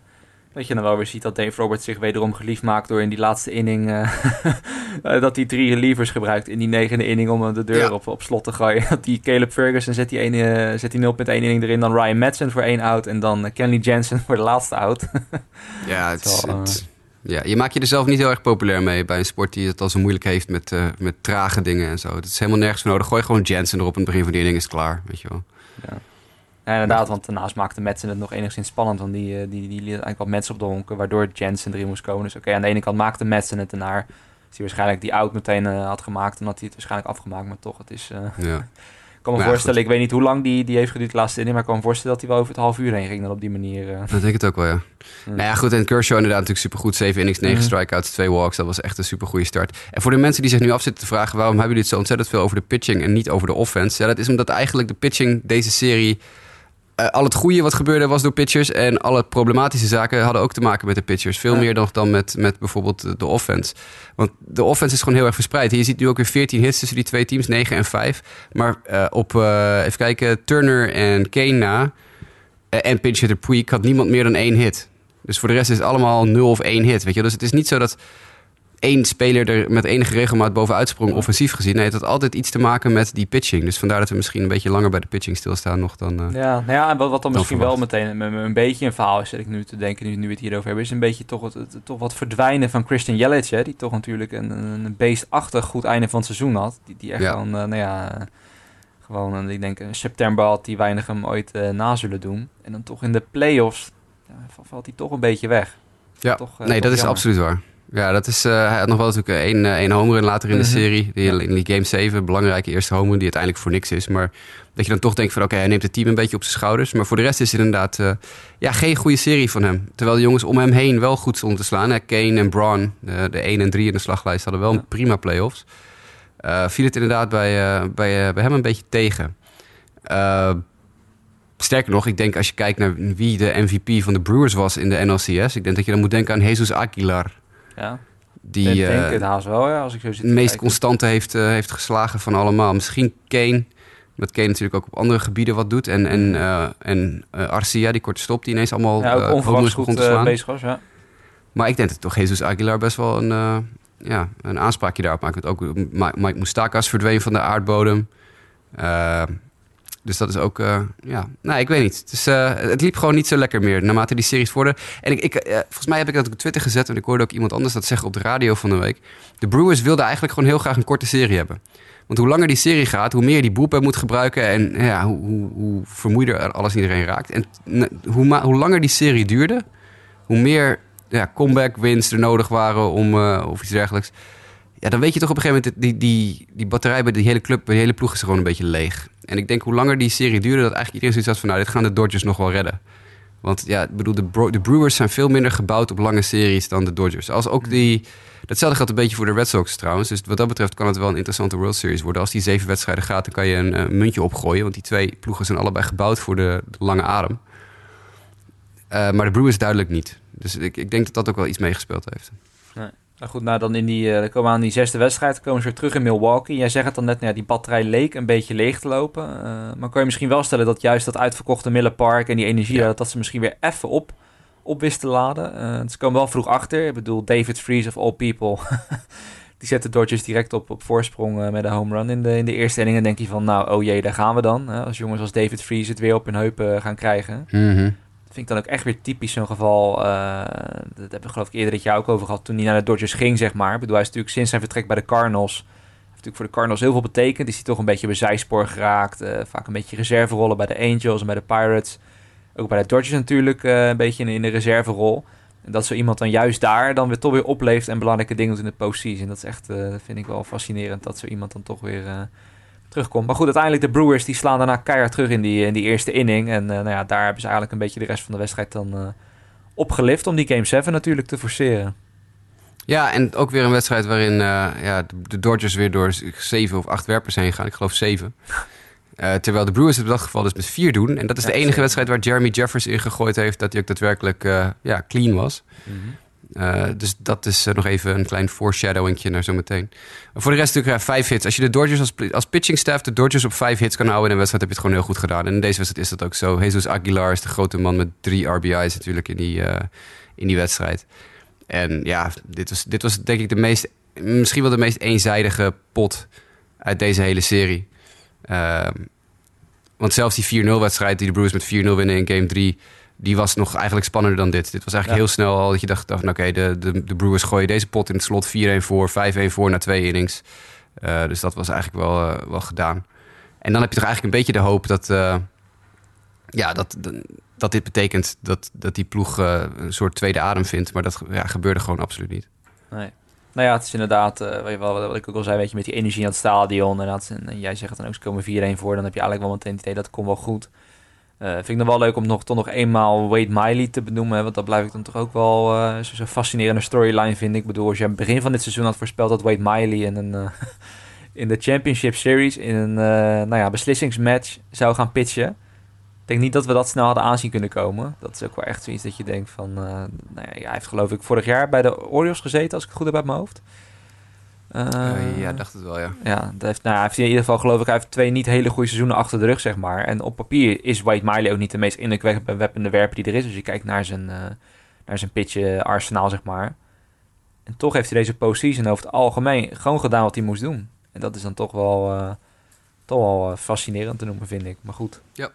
Uiteindelijk, en dan komen we natuurlijk aan bij de Game 7, de winner-take-all wedstrijd tussen beide ploegen, is het niet genoeg voor de Brewers. Nee. Uh, en ik denk dat dat, ja, als je naar deze statline kijkt, ook 10 hits voor de Dodgers, dan weet je al gelijk waar het fout gaat. Mm -hmm. Even kijken, waar gaan we beginnen bij deze wedstrijd? Laten we beginnen met iets positiefs. Walker Bueller bij ja. de Dodgers. Uh, ik, iedereen die deze podcast al langer dan een jaar luistert, weet dat ik een ongelofelijke fan van Walker Bueller ben. Want ik heb het volgens mij sinds mei 2018, 2017 al over hem. Uh, toen hij nog in de minors zat, was het even een favoriete... opgericht en zo. En, uh... Ja, nee, ik ben helemaal uh, op de, de Walker Bueller bandwagon. Ik vind het nog steeds erg jammer dat... ja, van de twee Vanderbilt pitchers die in dezelfde dra draft gekozen zijn... dat wij de verkeerde hebben gekozen toen. maar goed, dat is een ander verhaal. Bueller was fantastisch. 4,2 innings, 6 hits tegen, 7 strikeouts, geen 4 wijd, 1 run tegen. Dat was de home run van Christian Yelich in de eerste inning. En voor de rest natuurlijk gewoon lights out. En de rest van die bullpen ook. Want uh, als je kijkt naar het uh, trio Madsen, Jansen, Kershaw aan het eind van de rit... die in 1, 2, 3, 4 innings zeven strikeouts gooien... en één keer een honkslag tegenkrijgen, dan uh, dat is het einde verhaal. Dat is weer die ervaring aan het eind van zo'n boelpen. dus de Walker Bueller was voor mij het absoluut lichtpuntje in die serie. Als die op zo'n jonge leeftijd al zo goed kan zijn in een allesbeslissende wedstrijd... Nou, dan gaat hij een heel erg mooie toekomst tegemoet bij LA. helaas was de, de magie bij Julie Chassin een beetje uitgewerkt... Die natuurlijk een fantastische postseason, echt een weergaloze postseason heeft gegooid voor de Brewers. Nu was het na twee innings al voorbij, twee runs tegen, één keer vier wijd, nul keer drie slag. Nou ja, dan komt Josh Hader erop natuurlijk als reliever. Die, uh, heel veel mensen zijn dat vergeten, uh, bleek ook tijdens de broadcast en op Twitter. Uh, maar Hader is een starter. dat is hij al vanaf zijn high school jaren. Hm. Alleen de Brewers gebruiken hem nu al een paar jaar in de bullpen. Omdat ze, ja, eigenlijk geen idee waarom. Want die jongen is gewoon eigenlijk een starter. Daarom trok hij ook al zoveel vergelijkingen met Chris Sale. Dat hebben we in de podcast vorig jaar ook een paar keer gezegd. Denk eraan, dit is een jongen die heel erg lijkt op Chris Sale qua stuff en qua hoe die gooit en, uh, en qua wedstrijd uh, uh, aanpak. Is gewoon een starter. Dus die, die gooit drie innings en hij had volgens mij veel langer gekund nog. Maar ja, goed, je hebt natuurlijk best wel veel op hem geleund in die playoffs. Dus misschien wilde Council daar niet aan. Maar gewoon vier strikeouts, één keer vier wijd in drie innings. ik zou heel graag willen dat de Brewers hem gewoon naar de rotation schuiven volgend seizoen. Want daar is hij nu wel klaar voor. Maar goed, misschien niet. Eh, dus die doet het prima. Cedeno krijgt dan een run tegen en dan komt Jeffers erin. Ja, en dat is het hele punt waar we het al over hadden van de week. Dat is het meteen, eh, dat is weer die, die keiharde klap, hè? Die, die, die, dat deksel dat ze, de Brewers dan op hun neus krijgen. Nou ja, het staan ik inderdaad Yasiel Puig die de bal eh, ja, ontzettend hard eruit slaat op, op het gooien van Jeffers. En Ja. dan is het klaar. Drie run home run. Ja, en dan, dan uitgerek- uitgerekend Puig natuurlijk. Een ontzettende braakbal van een speler dat is. Maar goed, eh, die heeft wel gewoon een hele goede postseason gespeeld. Dus ere wie ere toekomt. Ja, dat, Maar ja, dit is natuurlijk weer... eh, ja, dit is weer, denk ik, een puntje een beetje gewoon fout gemanaged. Ik, ik had dat nooit, je had dat nooit moeten doen. Je had, je had Jeffers er niet op moeten zetten op dat moment. Maar goed, dat is achteraf makkelijk kletsen. ja, precies. ik- jij, had- jij had dus eigenlijk ook gezegd, wel misschien, dat- ja, dan denk Kans ook een beetje vooruit van, ja, zal ik Heder echt net zo lang door laten gaan tot het niet meer gaat? Jij had dus echt gewoon Heder door laten gaan tot het echt, dat je echt had kunnen zien van, nou, nu, nu gaat het niet meer. Nou, dat was volgens mij op dat moment... Ik heb die wedstrijd als enige wedstrijd de hele nacht door live zitten kijken. Want ik eh, had zoiets van, nou, dit wil ik meemaken, die Ja. Game 7. En ik zat dat, die, die, die wedstrijd te kijken en ik denk, ja, Heder is ongenaakbaar op dit moment. En echt daadwerkelijk Ja, daarom, ja, ik had het ook inderdaad niet echt het idee dat het minder werd of zo wat hij gooide. totaal niet. En ik bedoel, pure dominantie. En uh, dan gaat hij maar drie innings tussen aanhalingstekens. Hij wordt vervangen uiteindelijk door een lefty. Heder zelf is een lefty, dus je kan ook niet zeggen van... oké, hij is eruit gehaald omdat er een, eh, eh, een, eh, een, een, een lefty-righty matchup nodig was. Hij is gelift voor een pinch hitter. Nou, ik, pff, dat had ik op dat moment niet gedaan. Want op dat moment is het belangrijk dat je je pitching de boel dicht houdt... en dat je, dat je runs scoort. Want die line-up is verder goed genoeg om dat te kunnen doen. Dus ik had, ik had Heder minimaal vier, misschien wel vijf innings door laten gooien... in plaats van drie. Maar dat is nogmaals achteraf heel makkelijk kletsen voor mij. En ik ben geen Major League manager, dus het is hè, de beste stuurlui staan aan zit wal, lekker achter het bureautje, achter de microfoon. Precies, eh. dus dat is, dat is niet, eh, niet heel... eh, ja, kijk, ik, ik, ik manage die club niet. Maar ik bedoel, dit is een winner-take winner take all game. Dit is, dit is een win-or-go-home game. Waarom zou je niet je beste werper gewoon erop laten staan tot zijn arm eraf valt? Bij wijze van spreken. Niet, natuurlijk niet eraf valt. Maar ik bedoel, laat hem gewoon even nog een paar innings langer staan. En dan, en dan ga dan niet naar Jeffers op, in die situatie. Pak dan een Corey Knebel of een Brandon Woodruff... die met z'n tweeën die, die na hem gooien... en allebei de boel pot dicht houden. Ik begrijp absoluut niet waarom je in zo'n high-leverage situatie... met lopers op de honken en alles, dat je Jeffers laat staan. Daar begrijp ik echt helemaal niets van. Dan, dan moet je... En ik, ik ken de splits van, eh van Puig niet. Ik weet niet of Puig beter slaat tegen lefties dan tegen righties. Maar dan zou je zelf nog kunnen overwegen... om op dat moment een lefty erop te gooien. Een Zach Davies of zo. Ja, ook nog. Even kijken of, eh, of ik heel snel eh, de splits van, eh van Puig kan vinden tegen lefties. Eh, versus lefties. 209. Ja, nou, dit is ook weer fout. Ja, tegen lefties slaat Puig 209. Tegen rechtshandig bijna 300. Er zit dus bijna 100 punten verschil tussen. Dus op dat moment moet je, als je twee lopers op de honk hebt... niet je rechtshandige werper laten staan... die al een beetje eh, moeite heeft gehad deze playoffs. Dan zet je er dus een lefty op. Want Puig slaat 100 punten minder tegen lefties dan tegen righties. 300 punten verschil in OPS. Lefties tegen righties. Hij slaat maar 600 OPS tegen lefties en 921 tegen righties. Ja, dan kom je toch weer terug waarschijnlijk op het argument dat hij dan toch liever leunt op de jongens die hem daar hebben gebracht dan dat hij bijvoorbeeld misschien een wat, eh, nou ja, een wat onbekendere naam in Zack Davies eh, erin brengt. Ja. Ja, nou ja, dat is dus niet, eh, in dit geval niet de juiste keus. Ik denk op meerdere vlakken. Dus niet. Jeffers was, had het al heel zwaar gehad. Jeffers heeft al veel meer innings gegooid dan ooit. En ja, lefties en righties tegen Puig is een heel duidelijk verschil. Dus dat is denk ik de enige echt grote blunder die eh, Council gemaakt heeft hier in dit geval. Ja. Nou, dan zit het voor de Brewers dus, eh, dus erop. Het is misschien wel leuk om even, eh, of interessant om even kort te bespreken. We hebben het bij de Astros niet echt gedaan, maar goed, ik denk bij de Astros, kijkend naar de toekomst, naar volgend jaar, ik denk niet dat zij zich heel veel zorgen hoeft te maken. Ik bedoel, de, de, de kern van dat team blijft overwegend intact. Ik ben benieuwd wat ze met Keikel doen, maar dat... Ja, dat is inderdaad een van de weinige dingen dan. En eh, ja, ook bij de Brewers toch wel, als je kijkt, ik denk dat daar het voornaamste punt zal zijn. En je haalt natuurlijk net al een beetje aan met Heder. Wat gaan ze daar met die rotation doen? Want dat was natuurlijk het hele jaar al het, het vraagteken. Uiteindelijk, nou goed, kan je zeggen, eh, respect voor die ploeg... dat ze uiteindelijk toch met die rotation op één wedstrijd van de World Series zijn gekomen. Eh, maar goed, willen ze volgend jaar echt wel weer een kans maken... dan moet er denk ik wel wat mee gebeuren. Ik denk niet dat je weer een heel jaar lang op, eh, op Wade Miley, Ulysses Chassin, eh et cetera, kan gaan, kan gaan gokken. Eh dan komt er Nee. wel wat, hè. Jimmy Nelson komt misschien volgend jaar terug, eh, denk ik. Maar het is natuurlijk maar de vraag van hoe die, eh, hoe die terugkomt. Dus er zijn wel veel vraagtekens. Dan is het inderdaad de vraag, ja, wil je Josh Heden dan ja, inderdaad als starter daar neer gaan zetten? Valt het lijkt me fantastisch. Het, het lijkt me heel leuk om te zien, maar dat is een ander punt. Ja, je moet natuurlijk ook in de gaten houden dat de Brewers payroll exponentieel aan het groeien is geweest de laatste paar jaar weer. Mhm. Eh, ze moeten ook een beetje, het is, het is geen team met onbeperkte eh, liquide middelen, zoals eh, bijvoorbeeld een Red Sox of een Astros of een Yankees of zo. Nee. Dus dat is ook nog even iets om in de gaten te houden. Voor de rest hebben ze geloof ik wel alle kernspelers staan nog onder contract. Ja. Hè, dus Kane, Braun heeft nog een, die hebben nog een doorlopend contract. Ja, ik geloof alleen Moestakas, die loopt waarschijnlijk. Tenminste hebben ze een optie op. ja, dus- en Schoop is natuurlijk ook einde verhaal. Ja, Althans, einde verhaal. Dus ze kunnen hem natuurlijk bijtekenen, maar zijn contract loopt eind dit jaar Hij af. heeft natuurlijk geen goed jaar gehad, helaas. Onze Nee, nee, zeker niet. Moustakis heeft een optie voor 2019. Granderson is, gaat weg. Nou, dat mag ook wel, want die is op. Ja. Eh, nou, dan hebben ze nog hier wat jongens staan. Ik zit even zo doorheen te scrollen. Jimmy Nelson is ARP eligible, dus die moet zich even bij laten. Corey Knebel, zijn contract is op. Hmm. Dus die moet even nog door arbitratie heen en een nieuw contract krijgen. Eh, dit zijn allemaal niet zulke belangrijke mensen. Wade Miley, zijn contract is op, dus die gaat weg. Hernan Perez is op. Cedeno is op. Kratz is op. Ja, er valt wel heel veel weg hoor. Dan Jennings is op. Ja, precies. Maar meer, meer aan de achterkant, zeg maar. Dus dat Ja. zou je kunnen zeggen, Ja. nou ja, met, met de juiste scouting... of misschien dat er wat uit de organisatie zelf mogen komen... zou je dat in kunnen vullen. Domingo Santana is op. Dat is, wel, dat is een interessant verhaal zeg. Dat is wel inderdaad een... eh, Ga je, die- want die gaat natuurlijk ARP eligible, die is ARP eligible denk ik, dus die krijgt een eh, lichte salarisverhoging. Oh, dat wordt een heel interessante kwestie. Maar goed, laat zo zeggen, in ieder geval die kern met sterspelers. Kijk, natuurlijk heb je meer nodig. Die blijft wel bij elkaar. Ja, dus dat Travis is Shaw wel heel belangrijk is voor ze. Oh, Travis Shaw wel. Oh, kijk. Ja, ja, die is ARP eligible, dus die ja, kunnen op ze- die manier.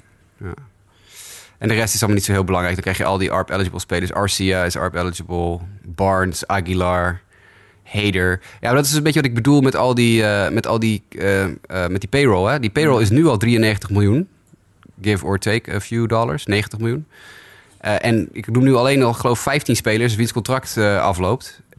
In ieder geval die dus, die de salarisverhogingen gaan krijgen omdat ze arbitration eligible zijn. Ja.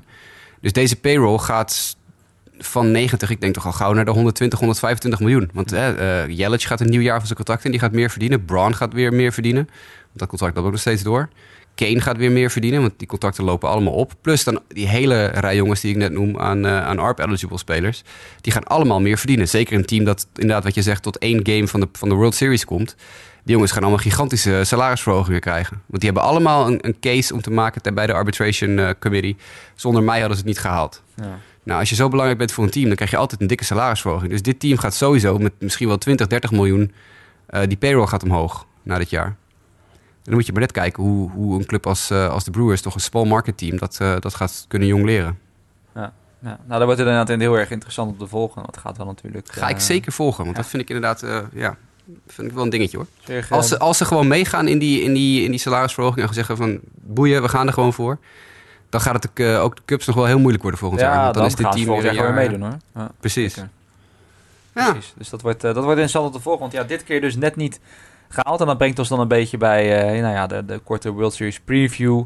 Dodgers tegen de Red Sox. We hebben het net dan eigenlijk al bij die, eh, bij die recaps tussendoor gehad over hun krachten.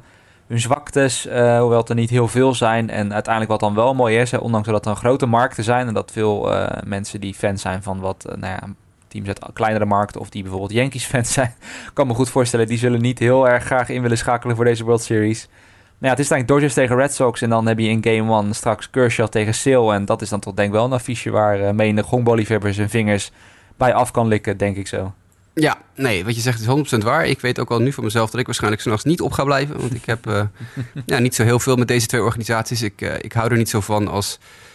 Uh, als, als ja, dat is een beetje net als met voetbal. Als, als Manchester United tegen Real Madrid in de Champions League finale staat... of noem maar even wat, dan heb ik ook niet zo heel veel behoefte aan om te, te, kijken. Want dat zijn gewoon teams die gewoon het meeste geld hebben.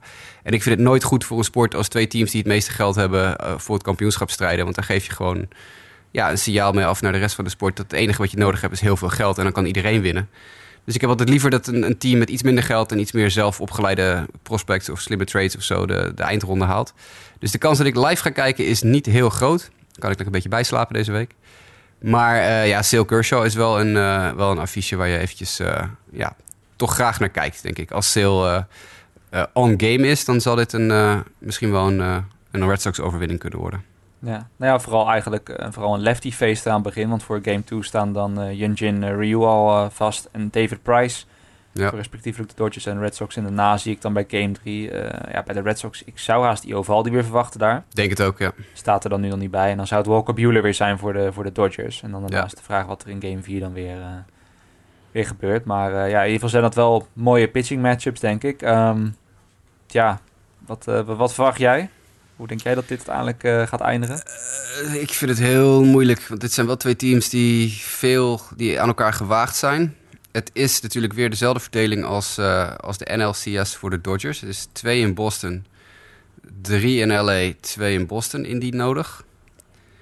Eh, deze, deze serie kan ook nog wel eens een keer zeven gaan. Of laten we zeggen zes. Deze gaat zes. En dan wordt het 4-2. Hmm. 4-2 Red Sox. Ja, ik, ik dacht, eh, het is heel saai dit voor het luisteraars, maar ik dacht eigenlijk precies hetzelfde. Ik denk ook dat de Red Sox gewoon net, eh, ja, dit seizoen, dit seizoen gewoon net een maatje te groot zijn voor iedereen.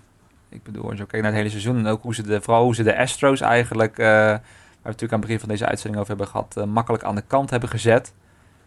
Ja, denk ik gewoon dat ze een maatje te groot zijn. Het is natuurlijk, Dat, ja. maar goed, er kan natuurlijk altijd weer genoeg gebeuren in zo'n series. Dat zie je ook in die, in die voorgaande ronde. Stel dat Benintendi niet die ene bal vangt en de Astros winnen die pot, dan, Ja. dan loopt zo'n series ook weer meteen heel erg anders. Ze, ze gaan er geheid in deze World Series ook dingen gebeuren die je niet aan ziet komen. Maar eh, ja, laat ik zeggen, ik hoop wel in ieder geval minstens op zes wedstrijden. Maar ik denk uiteindelijk dat de Red Sox gewoon met alles wat ze hebben net iets te, te sterk zijn. Want ondanks dat je misschien vraagtekens zal zetten bij die bullpen, denk ik ook dat het bij de Dodgers toch ook niet altijd eh, ja, evenveel zekerheidjes zijn die er daarin komen. Ik, bedoel, denk dat ze Ja. daar ongeveer gelijkwaardig zijn. Qua pitching denk ik ook dat ze, ja, als je toch een beetje kijkt, ze ongeveer gelijkwaardig zijn wat ze tegen elkaar overzetten. En dan, eh, ja, dat, dat, moet dus wel zeggen. Als je een beetje zit te kijken, hele gelijkwaardige teams. Denk ik. Het wordt denk ik wel weer een kwestie ook van precies wat je zegt.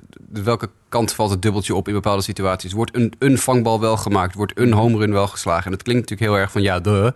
Maar eh, dat, dat, dat gaat echt deze serie denk ik beslissen. Gewoon zo'n moment dat je denkt van oef, als hij die vangt, dan is het een heel ander verhaal. En als hij hem mist, dan is, het, eh, dan is de serie meteen helemaal gekanteld. Eh, ik, ik denk gewoon dat eh, als je ziet ook de, Dodgers, hoeveel moeite die hadden met de Brewers. Nou, de Brewers, Astros, wie zijn er beter? De Astros Mhm. in principe. Eh, hoe makkelijk inderdaad de Red Sox de Astros aan de kant schuiven. En hoeveel moeite de Dodgers nog hebben met de Brewers. Die, een die natuurlijk een, ja, op papier veel minder team zijn dan de Red Sox. Ik denk dat de Red Sox dit wel gaan, gaan doen. Dat is niet dat ik daar heel blij mee zou zijn. Maar dat geldt andersom ook. Want als de Dodgers winnen, ben ik er ook niet per definitie heel gelukkig mee. Maar dat heeft niks met de teams te maken, maar meer met waar de teams voor staan. Eh, ik heb eh, nog wel eventjes ook de voorspellingen van onze redactiegenoten of podcastgenoten Mike, Mhm. Nick en Lionel. Die hebben ook eventjes doorgestuurd wat ze, wat ze dachten. Eh, Mike denkt, in eerste instantie zei hij, ik denk 3-3 en door onvoorziene omstandigheden komt er nooit een game 7. Eh, maar dat, hij, hij steunt altijd de NL, dus hij zegt eh, 4-2 Dodgers. Eh, Nick zegt, ik hoop op de Red, Sox bij gebrek aan een sympathiek team, denk ik 4-2 Boston. Verbaast me niks van. Verbaast me ook Nick. niks, nee. En, eh, en Lionel zegt, ik vind deze heel lastig, dus ik ga totaal uit de bocht en zeg 4-1 Dodgers. Dus Mike denkt 4-2 Dodgers, Lionel denkt 4-1 Dodgers, Nick denkt 4-2 Boston, jij denkt 4-2 Boston en ik denk 4-2 Boston. Dus dat, eh, dan zijn we het wat dat betreft weer roerend eens in deze podcast, namelijk eh 3 om 2 richting de Red Sox. Ja, ja het is, eh, en natuurlijk ook nog, want eh, nou ja, we wilden nog een klein nieuwsblokje aan het eind doen. En laten we dat dan misschien dan maar even beginnen met Manny Machado, aangezien die natuurlijk wel een rol in gaat spelen. Hè. Voor hem is natuurlijk de kans om eh, zijn marktwaarde nogmaals een beetje op te krikken voor zover dat mogelijk is. En dat is misschien ook wel een beetje nodig, hè? Eh, toch wat, nou ja, laat zeggen, ik denk dat hij in Milwaukee sowieso niet, naast dat ze denk het geld niet hebben daar voor Manny Machado, ik denk niet dat hij zich snel in Milwaukee hoeft te laten zien, hè? Want dat heeft wel het een en ander gebracht, zeg maar. Ik vond dat gedrag echt weer stuitend. Ik vind het weer, dat is weer de Manny Machado waar ik echt helemaal niks mee heb. Hè? Die Machado die we eerder dit jaar in die hele rel met Boston en Baltimore nog zagen. Ik heb helemaal niks met zo'n gast. Echt, ik snap er helemaal niks van. Een beetje, een beetje eerst al die, die ja, nou ja, halve doodschop die hij uitdeelt op het eerste honk. Nou ja, daar gaat hij dan zijn excuses voor aan, of halfbakken zijn excuses voor aanbieden. Terwijl natuurlijk iedereen zegt, nou, het is gewoon een dirty player. En iedereen weet gewoon dat Machado er een handje van heeft om af en toe hele vieze dingen te doen op het honkbalveld. En dan vervolgens ook nog, inderdaad, wordt hij uitgejoeld en dan een beetje aan zijn kruis zitten te grijpen naar het publiek toe als provocerend gedrag. En met zijn handen omhoog gaan zwaaien naar het publiek. Het gaat niet om jou, man. Het gaat om je team. Ga even niet, doe even normaal. Altijd weer die aandacht opeisen. Altijd weer dat, dat provoceren. Ik heb daar helemaal niks mee. Fantastisch honkballer, ontzettende eikel. Dus ik, eh, ik eh, hoop zowaar dat deze, deze achterlijke antics van hem een beetje, dat, dat, dat hem 15 miljoen kost per jaar. Ik denk het niet, want wat dat betreft is profsport ook weer een, eh, ja, een heel hypocriete bende bij elkaar. Nee, en vooral als je ook kijkt, deze playoffs, ik bedoel, hij is toch eh, even gewoon statistisch genomen, kijken naar het aantal runs dat zijn binnengeslagen. Is hij ook de meest waardevolle Dodger tot nu Ja. toe? Qua meeste runs binnengeslagen, ook meeste home runs geloof ik. Dus eh, op dat vlak maakt hij het wel waar. En kan hij het ook hier weer waar gaan maken. Maar eh, ja, hoewel dit soort dingen aan de ene kant wel voer geven voor ons om over te discussiëren, zijn het denk ik niet, is het niet de manier waarover, waarop je over hem wil discussiëren. Maar het is inderdaad Ik hoop dat Salem op zijn sodomieten gooit. Nee hoor, grapje. meteen de eerste statement eh, afgeven. Even, even de statement maken. Ja, hij is al zo gehaat in Boston natuurlijk ook. Dus dit, Mhm. het wordt helemaal lachen. Nadat hij zo uitgejoeld is in, eh, in Milwaukee... gaat hij dit ook gewoon in Boston weer keihard over zich heen krijgen. En als we iets weten van Boston fans... is dat ze, als ze één ding goed kunnen... is het eh uitjoelen en spelers, eh spelers verrot schelden. Eh, Dus eh, dat kan nog wel lachen worden hoor. Ja, ja. Nou goed, gaan het in ieder geval allemaal zien. Het wordt waarschijnlijk eh, nou ja, interessant, laat het hopen. Ik bedoel, ik ook niet op een 4-0 of zo. Dat hoeft voor mij ook weer niet. In ieder geval spanning dat en eh, sensatie en mooie momenten waar we het dan weer achteraf eh, over kunnen gaan hebben. Zoals ik zei, even dan een heel kort blokje nieuws. Ik denk dat we echt maar heel kort hoeven te doen. Eh, er zijn ook al wat andere dingen gebeurd. De Miami Marlins, nou ja, die zijn natuurlijk al, die waren een half jaar geleden al uitgeschakeld voor de playoffs. Maar die hebben Die waren, die waren op, de, op de tweede speeldag al Ja, uitgeschakeld precies. voor de playoffs. Soms al 0-1, toen dacht iedereen al, nou, laat maar, die gaat niet redden. Die hebben toch al wat interessants gedaan. Want eh, hoewel deze namen niet meteen bij iedereen misschien... eh, een, een- dat er niet misschien bij iedereen een lampje gaat branden... Zijn Victor Mesa Jr. en Victor Victor Mesa. Eh, ja, dat zijn twee verschillende personen, mensen. Die hebben getekend bij de Miami Marlins, Jasper. En dat is toch best wel een dingetje, toch? Ja, we noemden het vorige week of twee podcasts geleden had ik het er even eh, volgens mij heel kort over. Maar toen was nog niet bekend waar ze heen zouden gaan. En naarmate de tijd vorderde en wij niet gepodcast hadden omdat de series nog bezig waren, eh, kwam er wat nieuws naar buiten dat de Baltimore Orioles all in waren gegaan op deze twee jongens. Want ja, we hebben het vaker gehad over de Orioles die op internationaal vlak al tien jaar geen cent uitgeven. En daar behoorlijk veel shit voor hebben gekregen door, eh, door verschillende mensen. En nu uiteindelijk besloten hebben van, nou ja, oké, we gaan geld uitgeven op de internationale markt. En die wilden dan gelijk de top twee jongens binnenhalen. En het was al min of meer bijna helemaal rond. En toen kwamen op het allerlaatste moment de Marlins er nog even tussendoor. En toen zeiden de Mesa Brothers van, oké, nou dan gaan we wel naar Miami. Wat natuurlijk best een enorme coup is, wat dat betreft ook. Want eh, Miami is nog niet bepaald een organisatie die heel erg ergens heen lijkt te gaan. Het, het gaat verre van goed daar bij die club. En alles, alles gaat fout, eigenlijk. Eh, Dus het is best wel, daar is een behoorlijke bak geld tegen aangesmeten, denk ik, om deze twee jongens eh, weg te stelen bij, bij Baltimore. Maar zoals Lionel van de week ook in, in de WhatsApp-groep al zei, van, er zijn wel wat, wat faxen en telefoons en laptops door de kamer gegooid in Baltimore, denk ik. Want dat, die waren al min of meer ja, rond met die- deze jongens. Ja. Dus ja, nou goed, dat, zijn de, de top twee eh, eh, internationale prospects eh, die beschikbaar waren op dit moment, die getekend hebben bij de Miami Marlins. Dus Ja. wie weet geeft dit weer een cultuurverandering aan bij, bij de Floridianen. Ja, je gaat je bijna afvragen of dit misschien iets te maken heeft met dat bericht dat binnenkwam dat ze dat home run sculptuur gaan, gaan weghalen. Dat ze hebben gezegd van we willen best komen hoor, maar dan moet dat oerlelijke ding daar, dat moet naar buiten. Dat moet, dat moet weg uit het stadion. Dat ze zeggen, nou oké, oké. Ik moest wel lachen. De, de, de, ik weet niet, eh, volgens mij waren het de Asheville Tourist minor league team. Die hadden de, toen dat nieuws naar buiten kwam van dat home run sculpture, hadden ze een gefotoshopt plaatje van hun stadion op Twitter gezet met het home run sculpture in het outfield.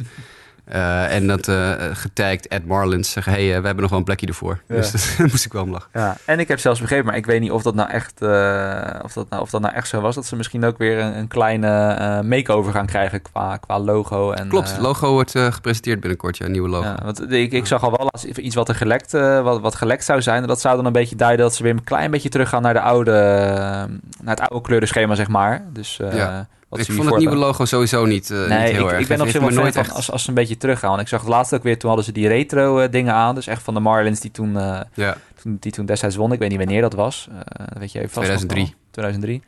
Ja, dat vond ik wel echt tof. Dat ik dacht van, waarom zijn ze eigenlijk ooit van... Tuurlijk, je moet het af en toe een beetje aanpassen, een beetje moderner maken. Maar dan heb ik gedacht van, waarom heb je daar, ben je daar ooit van weggegaan? Tuurlijk, ik snap, hè, met een nieuw stadion willen ze een nieuwe identiteit en dat soort dingen. Maar nee, ik, eh, ik ben wel fan van als ze weer een beetje teruggaan naar wat ze hiervoor hadden. Dat, eh, dat ze Ja, ze kunnen natuurlijk niet één op één teruggaan. eh, Nee. want eh, dat waren toen nog de Florida Marlins en nu zijn het de Miami Marlins. Precies. Dus je kan dan nooit, eh, nooit meer teruggaan. Ehm, maar nee, nee, ik, ik denk... ja, dat nieuwe logo, dat, dat heeft mij nooit echt kunnen bekoren. Dat hele grote, die hele grote knaloranje M. Of die, die M met, met heel veel oranje en, en, en felle kleuren erin. Ik snap het wel. Hè, Fiesta kleuren, Latijns-Amerikaanse populatie in Miami. Maar nee, ik, ik ben benieuwd naar een nieuwe, een nieuwe keuze. Ik, ik denk dat dat wel weer een... Hoe dan ook gaat het in ieder geval geld opleveren. Want dan gaan mensen weer kleertjes kopen natuurlijk. Mhm. Petjes en shirtjes en zo van, met het nieuwe logo. En deze club kan wel wat geld gebruiken. Precies, daar moeten de meeste broertjes van, eh, van gaan betalen waarschijnlijk. Maar Precies, goed, precies. Dan nog kort hadden we ook wat manager nieuws. Eh, enerzijds opvallend uit eh, LA, natuurlijk niet bij de Dodgers, maar bij de Angels, de streekgenoot uit Anaheim, die Brad Osmus aanstelde. Wat wel denk ik best wel opvallend is. Ik bedoel, in Ja. Detroit is het nooit echt wat geworden. Ehm, nou ja, dan denk je bij de Angels, nou Mike Socia, die gaat na 100 jaar daar weg. Dan komen ze wel met iets, hè. Dan komen ze met iets eh, origineels, iets nieuws, iets inventiefs op de proppen, zoals meerdere teams de afgelopen jaren hebben gedaan. En dan kom je toch met iemand die, het gaat misschien werken hoor, weet natuurlijk niet, maar Ja. die het hier van Detroit eh, ja, niet een hele goede indruk heeft achtergelaten. Ik heb er heel erg betwijfels bij bij deze move, als ik heel eerlijk ben. Ik, ik weet het niet. Ik, ik had wel verwacht dat ze uit de. Ik had gewoon echt verwacht dat ze uit de stal van, van Socia zouden trekken weer. Want die heeft natuurlijk best wel veel ja, goede managers afgeleverd door de jaren heen. En Joe Mhm. Madden is daar het, eh, het grootste voorbeeld van. Maar ja, misschien willen ze juist een clean break hebben van alles wat met Socia te maken heeft. En die hele coaching tree een beetje laten zitten. Waardoor nu, eh, ja, Brad Osmus daar op die stoel komt zitten. Daar begrijp ik helemaal niks van. Want is gewoon een heel slechte manager. Die heeft gewoon met, met al dat talent in Detroit nooit wat kunnen doen. Eh, er zijn heel veel verhalen dat hij de, de- het vertrouwen van zijn team al heel snel kwijt was. Dat, er, dat, hij, geen, dat hij geen gewicht had in de, in de kleedkamer. Heeft natuurlijk heeft helemaal niets gedaan wat, eh, wat hem een ideale managerkandidaat maakt. Ik kan me niet voorstellen dat als met je dus 15 man op sollicitatiegesprek eh, krijgt, zoals de Angels hebben gehad, dat je daar dan Brad Osmus als beste kandidaat uithaalt. Daar snap ik helemaal niks van. Nee, het is inderdaad een eh, curieuze beslissing. En de Cincinnati Reds die hadden er ook een nieuwe manager aangesteld. David Bell. Ik zelf weet eerlijk gezegd niet heel veel over de beste man. Jasper, jij wel? Is een ex-speler, ik- ex-infielder, eh, ook met de Reds. Van voor mijn tijd waarschijnlijk. Van voor jouw tijd, ja, ja. En eh, hij heeft ook gemanaged in de minor leagues. Dat vertelde Lyle hem van de week ook nog even. Die heeft, eh, ik geloof, een triple A of double A of allebei van de Reds ook nog gezeten. Dus wel iemand die bekend is met de organisatie. En was ook een heel verdienstelijke infielder hoor, in zijn tijd dat hij speelde. Niet, niet- geen, geen superster, maar wel een, een aardige honkballer. En ja, weer zo'n first-time manager. hè. Dit is dan wel weer een iets origineler, eh, iets, iets or- originelere hire, zeg maar. Eh, beetje curieus verhaal dat hij misschien niet de eerste keus is geweest. Want het verhaal gaat, en dat is een heel sterk gerucht, dat Joe Girardi de nummer 1 kandidaat was. Die heeft ook geïnterviewd bij eh, de Reds. En uiteindelijk heeft hij zichzelf teruggetrokken Hm. in de allerlaatste ronde. Eh, terwijl de Reds al mensen aan het bellen waren van je bent het niet geworden. heeft, eh, heeft hij op het allerlaatste moment eh, snel de Reds gebeld en gezegd ik kom toch niet. Terwijl ze alleen David Bell niet gebeld, dachten ze van nou... Nou ja, dat, het. zo ver durf ik niet te gaan, maar het zou best wel eens kunnen. Ik bedoel, ik, ik, ga, ik geloof wel, want het was ook een beetje een sterk gerucht... dat David Bell wel de, een van de topkandidaten was. Dat ze een top drie hadden of zo van manager. Die hebben ook weer iets van acht of negen geïnterviewd, geloof ik. Dat ze een top drie hadden van, oké, we willen één van deze drie gaan doen. En toen gingen ze op een gegeven moment die andere zes zeven maar ze verbellen. En toen heeft Girardi gezegd, oh shit, nou moet ik wel even snel zijn. Anders dan eh, lopen andere mensen misschien hun kans op een baan eh, mis. Ja. Dus die heeft toen eh, snel gebeld en gezegd, jongens, ik, ik doe het toch niet. En dat gerucht gaat dat hij dat doet zoals John Heyman dat op Twitter zei. Omdat hij wacht op een team uit Chicago. Vind ik dan wel weer heel leuk Ja, dat dat zo verwoord wordt. Want iedere, iedere pannenkoek weet natuurlijk op welk team die zit te wachten. Want hij is een ex-Chicago Cub en Joe Madden zijn contract loopt eh, over een jaar of zo af. Dus ik denk dat Joe Girardi zegt, ik ga nog een jaartje ESPN doen. En dan over een jaar word ik de nieuwe manager van de Chicago Cubs. Want ja, laten we wel wezen, die gaat niet naar de White Sox. Nee. Lijkt me ook niet, nee. Maar goed, inderdaad dan ook een nieuwe manager voor de Reds. Eh, dat- ik kan me trouwens nog wel herinneren, dus ik me nou te bedenken dat... Ik weet niet of dat vorig jaar nou was. Dat, toen waren er nog hele sterke geruchten hè, dat ze Barry Larkin een keer manager wilden maken. Maar dat is Ja. niet definitief voorbij, geloof ik. Een beetje die... eh, Ja, volgens mij hebben ze hem toen wel geïnterviewd vorig jaar. Of ze hebben wel iets met hem, Ja, iets met hem gedaan. want ik of wist nog dat één of twee jaar geleden heel erg speelde. Dat iedereen Klopt, er echt... eh, Nou ja, blijkbaar heeft hij of een heel slecht sollicitatiegesprek Ja. gehad... Of hij, heeft, of hij heeft er zelf geen zin in. Dat kan natuurlijk ook. Ja. Maar eh, nou ja, goed. David Bell is wel weer zo'n type... is een beetje type Gabe Kapler bij Phillies. mhm. Hij is een paar jaar ouder dan Kepler natuurlijk, maar het is, eh, het is wel heel erg zo'n vergelijkbare, ook ver- vergelijkbare speler. Zo'n scrappy speler geweest altijd, die ja, ook best wel wat ja, honkbalkennis heeft, zeg maar. Dus eh, je hebt altijd van, van die gasten in de majors rondlopen waarvan je denkt van, nou, dat worden op den duur misschien wel managers. En Bell is daar wel echt, echt zo'n type. Weet je wel, altijd een soort van teamcaptain, teams, team oudste, heel analytisch over honkbal kan die denken. Ik, ik ben niet, niet tegen deze hire. Ik, eh, ik zie het wel goed. Ik ben vooral heel blij dat Mike Matheny niet bij een van deze twee, twee teams is aangesteld. Want het, het team dat Mike Matheny als manager aanstelt, dat eh, heeft niet zo goed opgelet de laatste paar jaar. Nee. Nou ja, dat, had, dat, dat zou je kunnen zeggen. Misschien dat hij bij de Angels wel op twee stond of zo. Ja, dat zou je wat, eh, zien. inderdaad. wat, eh, wat geleken. Maar nee, dat is misschien maar beter, inderdaad. hebben we het allemaal een beetje behandeld. Eén klein nieuwtje wat jij dan nog aan wilde halen is dat Enoy, en dat schrijven we dan met de N van Nico, Enoy Jimenez, dus niet Eloy, maar Enoy, dat hij ook naar de Chicago White Sox ging. Maar uh, ja, dat was meer een beetje voor de leuk geloof ik dat je het aan wilde halen. Want het is niet even dat we meteen Enoy Jimenez bij de top 100 prospect lijsten. Nee, zeker niet. Nee, dit is meer even om aan te geven, om een, om een, kleine illustratie te geven over hoe honkbalclubs ook soms werken, weet je wel. En hoe ze hun spelers tevreden houden. Iedereen kent inmiddels Eloy Jimenez, eh, de superster prospect nummer 3 in baseball. Op dit moment geloof ik nummer 2 of 3. Die absoluut volgend jaar zijn debuut gaat maken. Waarschijnlijk eind april of zo uh, gaat hij naar Chicago gehaald worden. En dan krijgen we de Eloy Jimenez show bij de White Sox. Maar uh, er was een beetje een relletje aan het eind van het jaar... omdat hij niet opgeroepen werd in september. En nou ja, goed, ik krijg natuurlijk altijd van... oh, ga je hiermee de speler voor het hoofd stoten? En dan maken de White Sox een klein beetje goed... door zijn jongere broertje vast te leggen. Noy Jimenez. Lang zo'n goede honkballen, niet als Eloy. Maar uh, ja, goed, weet je. Op die manier, je geeft die, die Enoy Jimenez de kans om, uh, om professioneel honkballer te zijn voor een paar jaar. Al is het maar een paar jaar. En Eloy is gelukkig uh, aan zijn Instagram te zien... omdat zijn kleine broertje een profcontact heeft getekend. dus weet je, ja. Het feit dat Eloy Jimenez bij de White Sox kan tekenen... een club die door de Louis Robert uh, signing... bijna nul internationaal budget heeft... en nooit over de 300.000 dollar mag... en allerlei penalties nog heeft te verwerken... vanwege het overschrijden van die, die bonuspool. Het feit dat zij Enoy Jimenez kunnen contracteren... tekent wel aan dat geen enkel ander team interesse had in Enoy Jimenez. Anders hadden ze hem natuurlijk wel voor hun neus weggekaapt. Dus ja, dit zegt alles over het uh, niveau van Enoy. Maar ja, goed, je weet het niet. Ik heb hem nog nooit zien honkballen. En dat ga ik nu in ieder geval wel de kans toe krijgen als hij uh, de minors ingaat. Maar goed, het is inderdaad meer voor de leuk. Een beetje een speler gelukkig houden door zijn familielid te contracteren. Weet je wel. Dat, uh, je ziet dat elk jaar bij de draft ook. Dan wordt er weer een broertje van een speler gedraft. Of wordt een broertje van een GM gedraft. Of een zoontje of neefje van een, weet ik veel, weet ik, noem maar wat op. Dus dit is gewoon weer zo'n zo'n ja, heel vriendelijke move van een club die verder niks aan deze speler gaat hebben, denk ik. Ja, ik vind het ineens heel jammer dat ik enigszins kind heb en geen super getalenteerde honkbalboer ja, of zo. Ja, dat, is het, dat krijg je dan altijd. wel makkelijk geweest.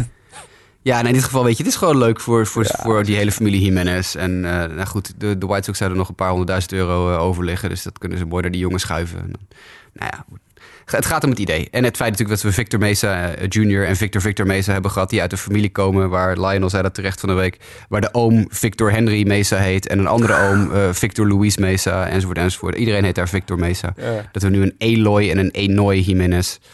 Uh, hebben. Dus over een paar jaar hebben we, weet ik veel, een uh, Ezoy. Ja, je zou haast met alfabet denken. Dat we dan ook nog een E-mooi met een M of zo. Dat ze, ja, precies. Of een E-boy, weet ik veel. Verzin maar wat. Maar uh, goed, dat is gewoon even een leuk geintje. En we moeten het nog even hebben over Chris Sales' belly button ring. Dat zijn we nog vergeten. Ah ja, ja. Dat was inderdaad wel een gek verhaal. Hè? Dat hij zelf uh, beweerde dat hij, geloof ik, omdat dat hij uh, zelf zei... ja, ik heb een belly button en die haal ik elke keer erin en eruit uit mijn navel. En daardoor is hij geïnfecteerd en moest ik naar het ziekenhuis. Maar, ik, ik, moest zo lachen. Maar de journalist die nou wat iets serieus, hè? Dat verhaal begint met... oké, okay, Chris Sale is opgenomen in het ziekenhuis met buikinfectie... met een maaginfectie of iets in die geest. Nou, oké, okay, prima. Kan een keer gebeuren, weet je wel. Je hebt, bent eens een keer ziek. En dan komt hij vervolgens zelf met het verhaal naar buiten, inderdaad. Ja. Nee, ik had, een, ik had een uh, infectie aan mijn navel... want ik heb mijn navelpiercing er iets te vaak in en uit gehaald.